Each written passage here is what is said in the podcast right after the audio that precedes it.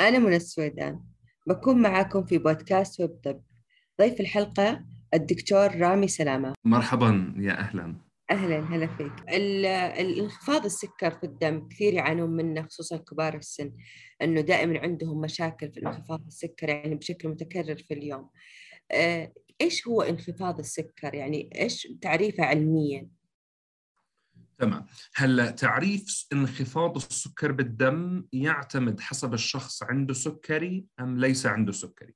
إذا الشخص already مشخص بمرض السكري وماشي على أدوية سواء كانت إنسولين أو غيرها تعريف هبوط السكر هو نزول السكر في الدم عن السبعين مع ظهور أعراض وإنها هاي الأعراض تروح عندما تعالج آه، انخفاض السكر.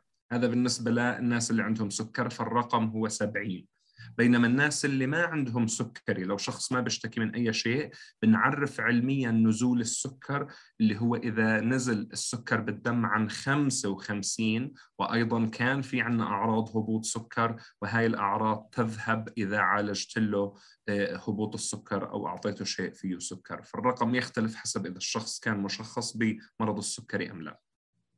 okay طيب في في هل في فئات معينة يعني تكون أكثر عرضة بانخفاض السكر الدم؟ نعم تحديدا الناس اللي عندهم سكري ويتم علاجهم عن طريق الإنسولين أو بعض أنواع الحبوب مثل ال sulfonylureas هذول بيكونوا عندهم احتمالية هبوط السكر أكثر. هذا واحد.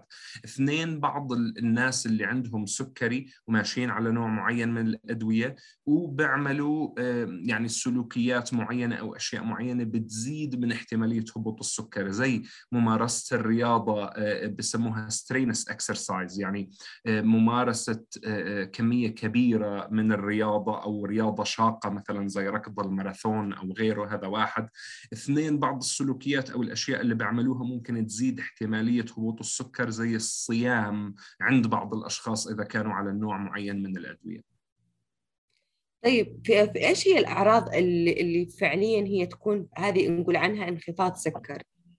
للأشخاص المصابين بالسكر والأشخاص برضه اللي مو مصابين بالسكر. يعني أحيانا الشخص يقول إنه أنا أحس بانخفاض وما في سكر ولا حاجة بس إنه احس بانخفاض فيجلس ياكل شوكليت ويجلس ياكل حلا لحد ما يدخ فهو ممكن الأعراض ما هو عارفها أصلا. صحيح. هلا هو آه، آه، بدك آه، تعرفي إنه بالذات عند الأشخاص اللي ما عندهم سكري يعني قد يكون الأعراض اللي بحس فيها هاي أعراض هبوط سكر وقد تكون أعراض شيء آخر. طبعا يتم التقييم كخطوة أولى للي بشك أنه عنده هبوط سكر أو عنده هذه الأعراض اللي رح نذكرها أنه يقيس السكر بالدم عشان يتأكد كخطوة أولى إيش بالضبط الرقم وهل فعلا عنده هبوط أم عنده شيء آخر.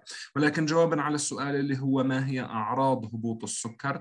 أعراض عدة اللي هو الشخص بحس بتعب بحس بدوخة بصير في عندنا تعرق زائد بصير في عندنا رفة بالقلب أو تسارع بضربات القلب بصير في عندنا رجة بالإيد عدة أشياء وعند بعض الناس ممكن يصير في عندنا شعور بالجوع.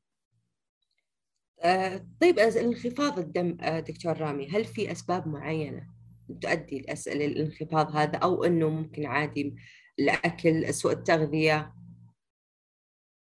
إن كان قصدك بالسؤال اللي هو انخفاض الدم قصدك انخفاض السكر بالدم.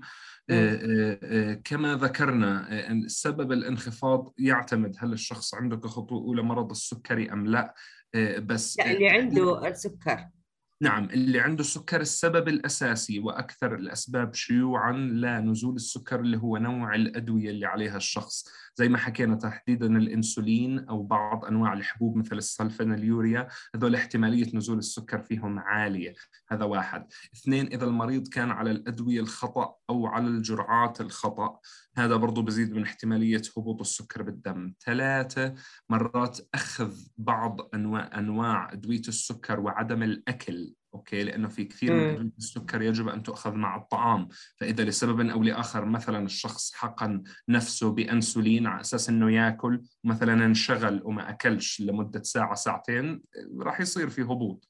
رقم أربعة اللي هو تدهور وظائف الكلى لسبب أو لآخر بتسبب عنا برضو عند كثير من مرضى السكر نزول السكر بالدم. لأنه معظم أدوية السكر ومنها الإنسولين يتم بعد أخذه من قبل الشخص يتم إخراج وفلترة هذه الأدوية عن طريق الكلى. فإذا الكلى تعبانة تبقى هذه الأدوية بالجسم لمدة أطول وبالتالي بعد فترة ممكن تسبب عنا هبوط في السكر. ففي عدة أسباب لهبوط السكر. الله يحمي الجميع يا رب.